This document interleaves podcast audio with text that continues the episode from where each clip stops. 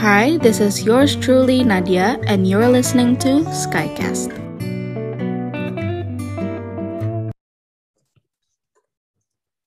Halo semua, balik lagi sama aku, Nadia, sebagai host episode kali ini. Dan hari ini Skycast kedatangan dua bintang tamu dari Angkatan Cakara yang mungkin udah nggak asing lagi. Nah, kalau kata orang, tak kenal maka tak sayang. Boleh dong perkenalan dulu, Kak?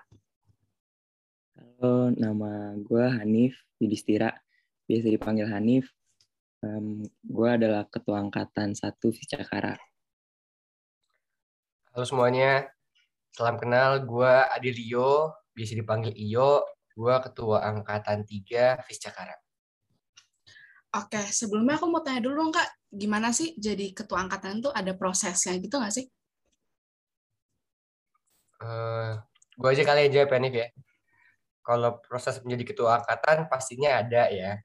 Ada itu tahapnya itu gak, gak cepet kok, itu lumayan lama dan dan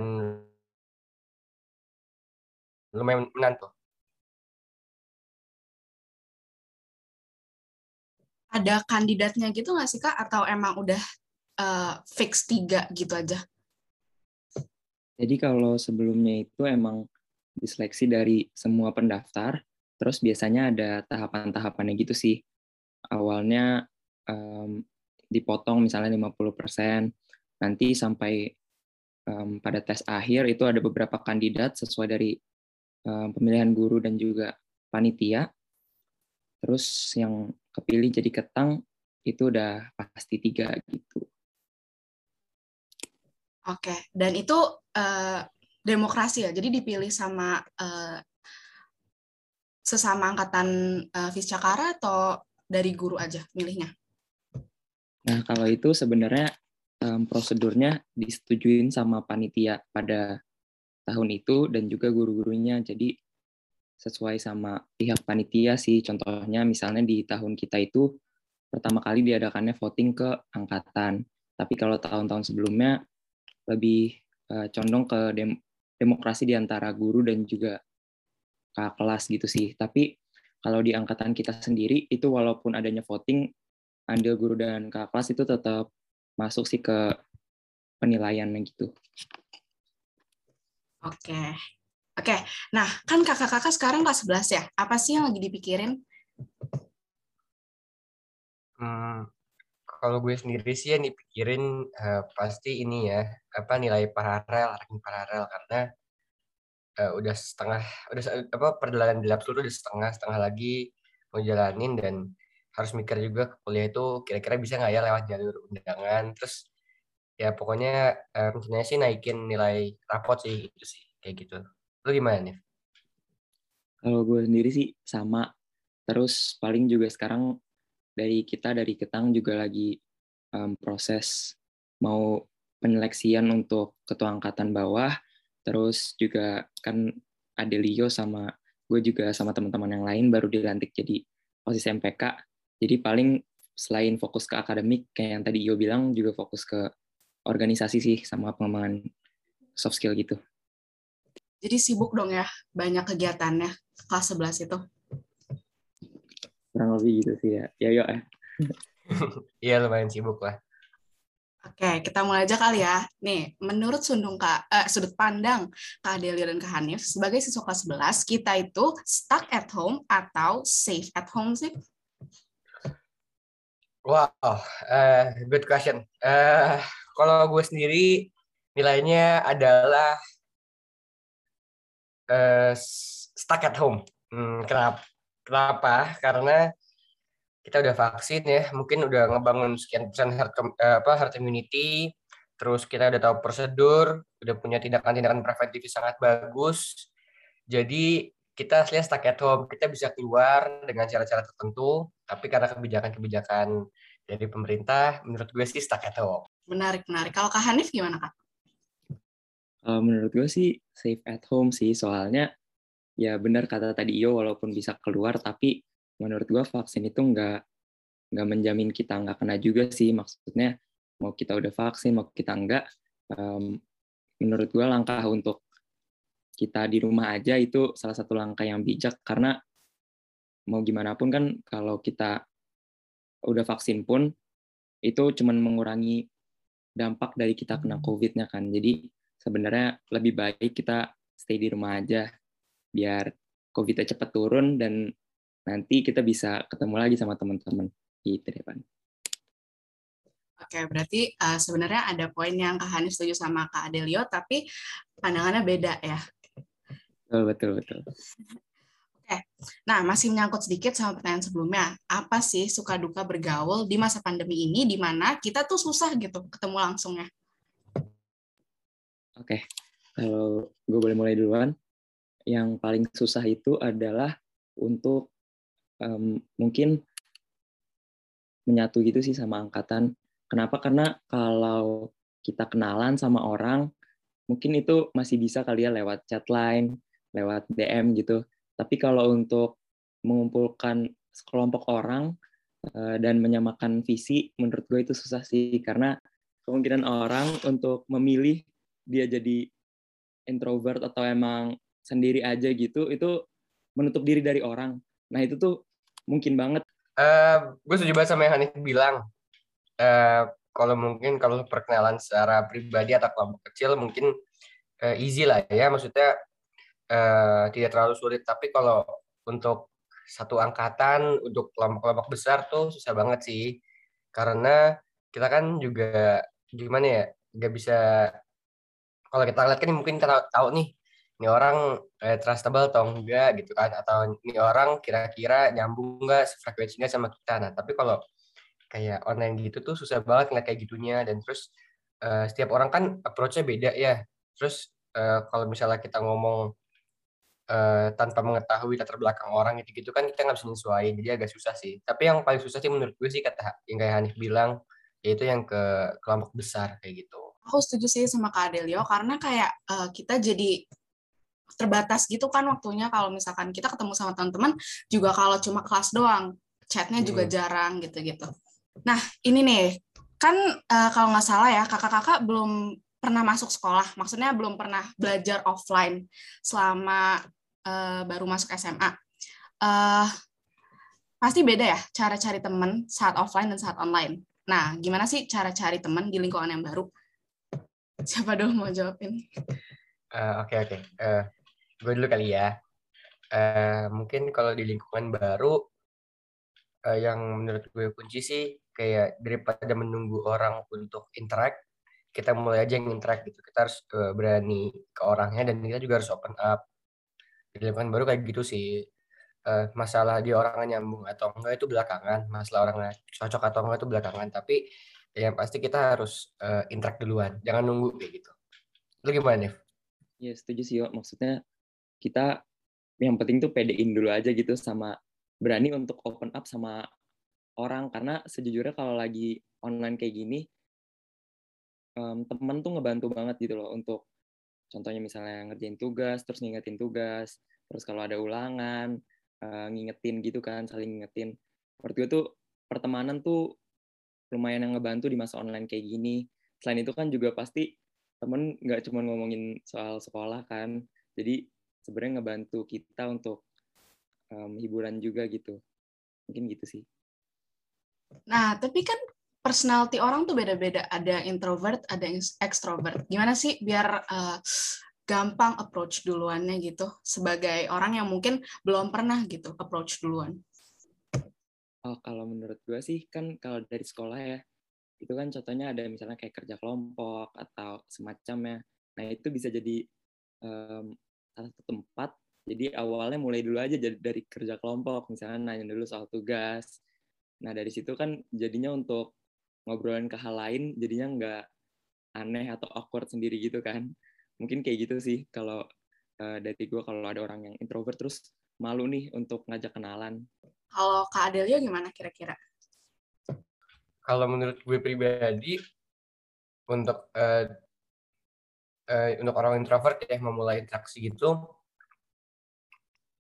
susah ya pasti itu gak nyaman pasti sih di luar zona nyaman tapi kayak yang gue bilang tadi apa cuek aja lah pede aja gitu.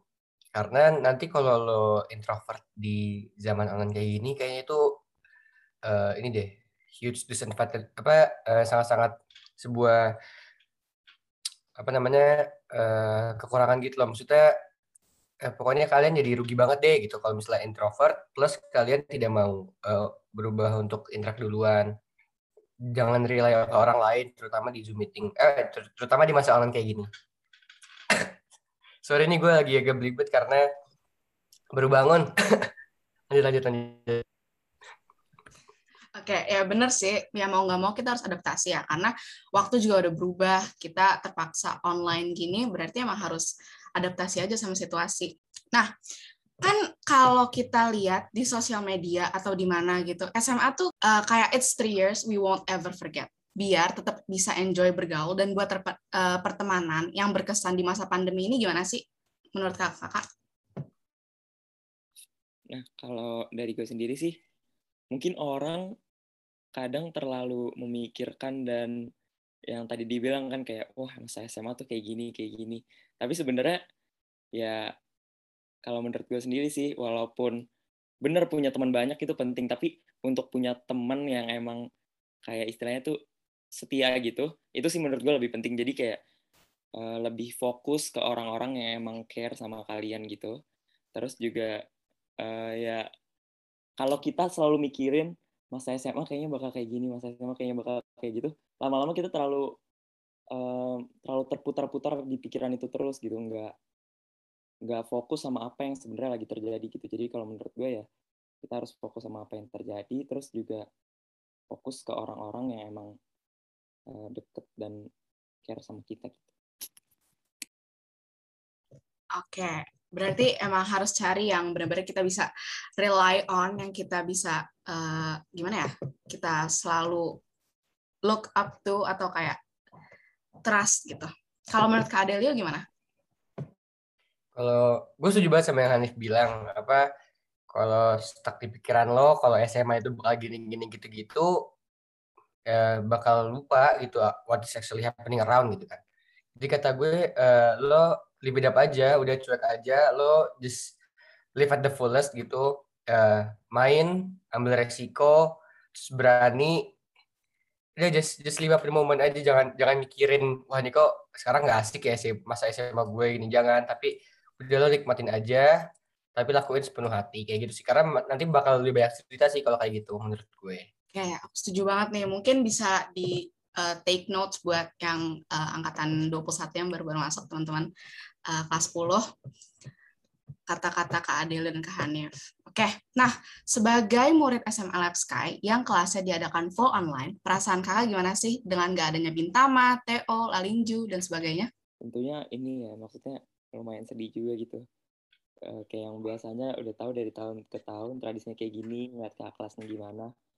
Tapi yang tadi dibilang kan kalau kita terlalu mikirin lama-lama kita jadi eh, nggak uh, fokus atas apa yang sebenarnya terjadi gitu jadi sebenarnya sih yang paling kuncinya itu ya ikhlas aja sih maksudnya sebenarnya ya sedih pasti ada tapi yang penting mengikhlaskan terus kalau kita sebagai uh, Adelio Alif juga sama gue sebagai ketua angkatan terutama juga mikirin sih gimana caranya walaupun nggak ada acara-acara tersebut angkatan kita tetap bisa um, mendapatkan experience yang sama dan um, apa ya kualitas angkatannya itu tetap sama dan kualitas lulusan lab school tetap terjaga gitu sih paling. Kalau gue gimana yuk? Hmm. Kalau gue jujur ini sih apa kayak miss opportunity banget kayak gitu. Karena itu chance angkatan untuk jadi solid banget ya di di tiga acara kayak gitu. Tapi ya, ada pandemi terus ada kebijakan-kebijakan baru tentang COVID, tentang acara-acara besar, ya nggak bisa ya kita sebagai uh, sebagai masyarakat SMA langsung kebayoran ya kita hanya bisa mengikhlaskan aja, bener kata Hanif. Udah di udah daripada fokus kayak kenapa sih kita nggak gini-gini, mending kita fokus aja caranya gimana kita bisa berpartisipasi ke angkatan, ngebuat uh, ngebuat impact ke angkatan uh, sebesar tiga acara tersebut tanpa ada tiga acara kayak gitu loh. Misalnya kayak uh, eh, gue uh, ikut panitia terus join-join di seksi-seksi yang baru untuk apa uh, ngelihat nih angkatan yang bagus yang mana gitu. Maksudnya ngelihat teman-teman tuh wah SDM angkatan tuh bagus banget gitu. Kita gimana cara improve-nya gitu. Terus kalau sebagai ketua angkatan pastinya ya kita ya bener kata Hans bilang harus problem solving masalah itu.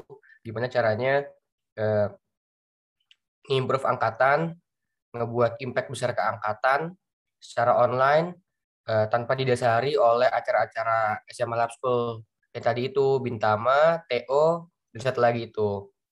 Uh, mungkin kita harus ini ya uh, sulit ya gitu ya karena itu tiga acara itu menurutku tuh aduh itu keren banget sih.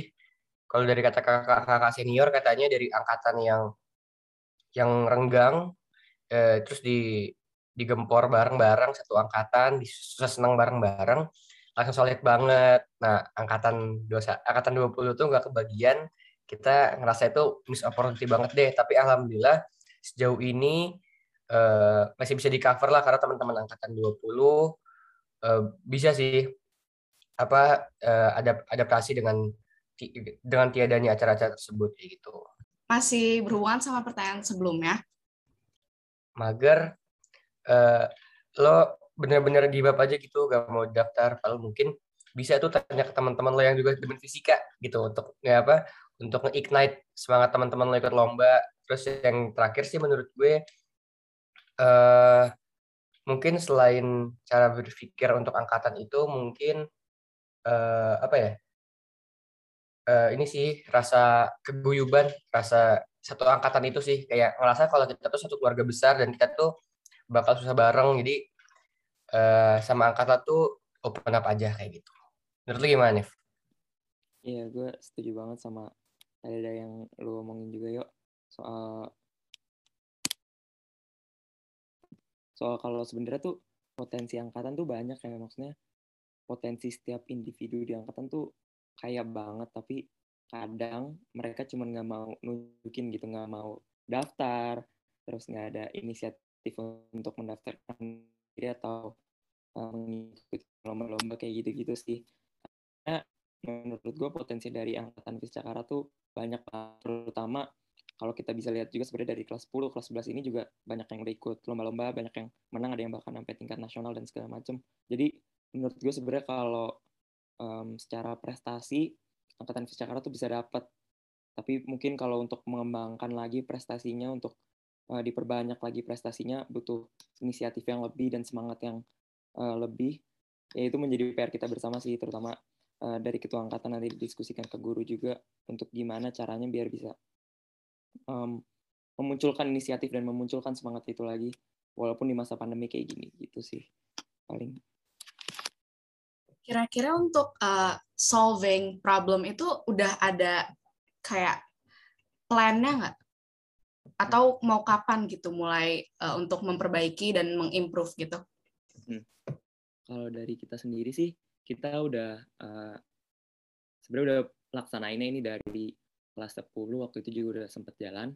Itu kita adainnya forum secara rutin, tapi mungkin nanti di kelas 11 akan diadain diadainnya lebih rutin lagi um, forum itu bertujuan untuk kayak sebenarnya kita santai aja ngobrol gitu. Tapi sebenarnya di dalam ngobrol itu kita juga ngasih pesan terus juga um, sosialisasi ke angkatan tentang apa sebenarnya yang kita perlu kembangin, apa sebenarnya masalah-masalah yang perlu kita benahi lagi gitu. Nah, dengan cara kayak gitu menurut um, kita sendiri nih bisa pertama uh, nyemangatin teman-teman walaupun di masa pandemi kayak gini. Terus kedua menyadarkan juga kalau misalnya ada masalah-masalah yang emang harus dibenahi gitu dan dari uh, menyadarkan itu jadi kita sebagai satu angkatan itu bisa improve di bidangnya masing-masing gitu sih. Oke, Kak Adelia setuju atau ada yang mau tambahin lagi? Iya, gue setuju banget sama yang Hanif bilang. Udah setuju kok. Oke, nah ini mungkin udah dekat-dekat ke akhir, aku mau tanya kalau kakak-kakak bisa kasih tiga kata untuk angkatan Viscakara, apa sih? Kalau gue mungkin um, unik, spesial, sama terdepan. Oke, keren ya kata-katanya. Kalau Kak Adelio gimana? Um, bentar ya, mikir dulu. uh, Hmm, apa ya? Banyak banget sih kata-kata yang bisa ngedescribe Viscakara tuh. Mungkin, oke, okay, tiga kata ya. apa ya? Sebentar, gue mikir dulu nih. uh, uh, okay. oh, uh, berani, berintegritas, dan bertanggung jawab. Oke, okay. kata-kata itu mau dielaborasi atau udah gitu aja? Gimana nih? Kalau gue nih, uh, unik spesial terdepan itu karena ya walaupun di masa pandemi kayak gini itu emang angkatan kita dapat treatment yang berbeda dari acara-acara acara dari segi acara-acara dari um, ya pengembangan soft skillnya ibaratnya berbeda gitu tapi menurut gua itu yang membuat kita spesial dan nggak menghalangi kita untuk menjadi yang terdepan gitu sih. Kayak keren banget tuh. Nah, Kak Delio gimana? Tadi kan gue bilangnya berani, uh, berintegritas, bertanggung jawab ya. Uh, kalau menurut gue, eh, jadi itu berhubungan sama apa yang dialami angkatan sih. Uh, maksudnya uh, sama kayak Hans bilang kita tuh waktunya unik, gak ada acara ini, gak ada acara itu. Terus treatment dari kakak-kakak senior juga beda. Tapi angkatan kita tuh berani bertanggung jawab gitu. Maksudnya uh, kita berani to make a new move gitu dalam rangka menanggung uh, kekosongan kehampaan acara-acara di angkatan kita. Dan angkatan kita itu kekeh gitu lah maksudnya berintegritas lah uh, stay in its course gitu. Nggak nggak mesti ngikutin atas ah ngikutin angkatan ini ah enggak tapi kita berani untuk jadi bold statement gitu. Oke nah itu dia kata-kata yang describing angkatan Fiscakara dari ketua angkatan Kak Adele dan Kak Hanif. Oke, nah sebelum kita closing, kita main game dulu kali ya. Nah, nama gamenya itu Who's Most Likely To. Jadi, siapa sih yang lebih mungkin ngelakuin sesuatu? Pertanyaan pertama, Who's most likely to date two girls at a time? Siapa sih yang lebih player? uh, kata gue sih Hanif, Hanif, Hanif. Alif boleh gak Alif? Alif boleh masuk? Alif boleh kan? Jadi untuk yang belum tahu kita uh, ketua angkatannya itu ada tiga, ada gue, Adelio sama Alif. Tapi Alif hari ini uh, berhalangan untuk hadir gitu. Iya. Kenapa tuh kok uh, nunjuknya ke Hanif, eh ke Alif? Oh nggak tahu deh, mungkin dia uh, Alif charming sih, charming. ya, charming ya. ya. Mm -mm. Kalau enggak, kalau gue sih, kalau gue Hanif, kalau gue Hanif. Kenapa tuh? Kok ke Hanif? Kalau kan typing itu kan ini ya apa kayak salah satu kunci komunikasi ya di apa di online gini ya. Nah, ada yang bilang dari angkatan gue cewek Hanif itu typing ganteng. Nah, gara-gara itu menurut gue Hanif kemungkinan besar sih typing typingnya bisa memikat dua wanita sekaligus. Ya, Hanif ya. Gak gitu sih, gak gitu. Buka kartu. Oke, okay, oke. Okay. Nah, pertanyaan selanjutnya adalah who's most likely to become a celebrity? Hanif, Hanif, gue Hanif, gue Hanif. gue ada Leo mungkin ya. Kenapa tuh? Kok kok tunjuk-tunjukkan? Kalau gue ada Leo karena ada Leo tuh cara ngomongnya udah dapet sih wibawanya tuh udah kayak udah kayak paling tinggi dah gitu. uh, kalau gue milih Hanif gara-gara Hanif tuh gimana ya? Uh, dari kalau selebriti kan pasti appearance ya. Appearance Hanif itu udah slick banget lah. Keren banget lah. Terus stylenya bagus banget. Gue dibuat sama style clothing sama style rambutnya Hanif. Jadi menurut gue kalau buat jadi selebriti ditambah kemampuan Hanif untuk komunikasi typing ganteng ya. Mungkin uh, cara ngomongnya juga keren kata gue. Gue setuju banget sama uh, teman-teman angkatan bilang cara ngomong Hanif tuh keren. Jadi menurut gue sih Hanif kayak gitu. Jadi malu nih gue yuk. Oke, tuh untuk episode Skycast hari ini mungkin segitu dulu ya. Terima kasih banyak Kak Adelio uh, dan Kak Hanif untuk waktunya dan mohon maaf kalau ada salah kata atau kata yang tidak berkenan. Aku Nadia host Skycast pamit undur diri. Sampai jumpa lagi di episode selanjutnya.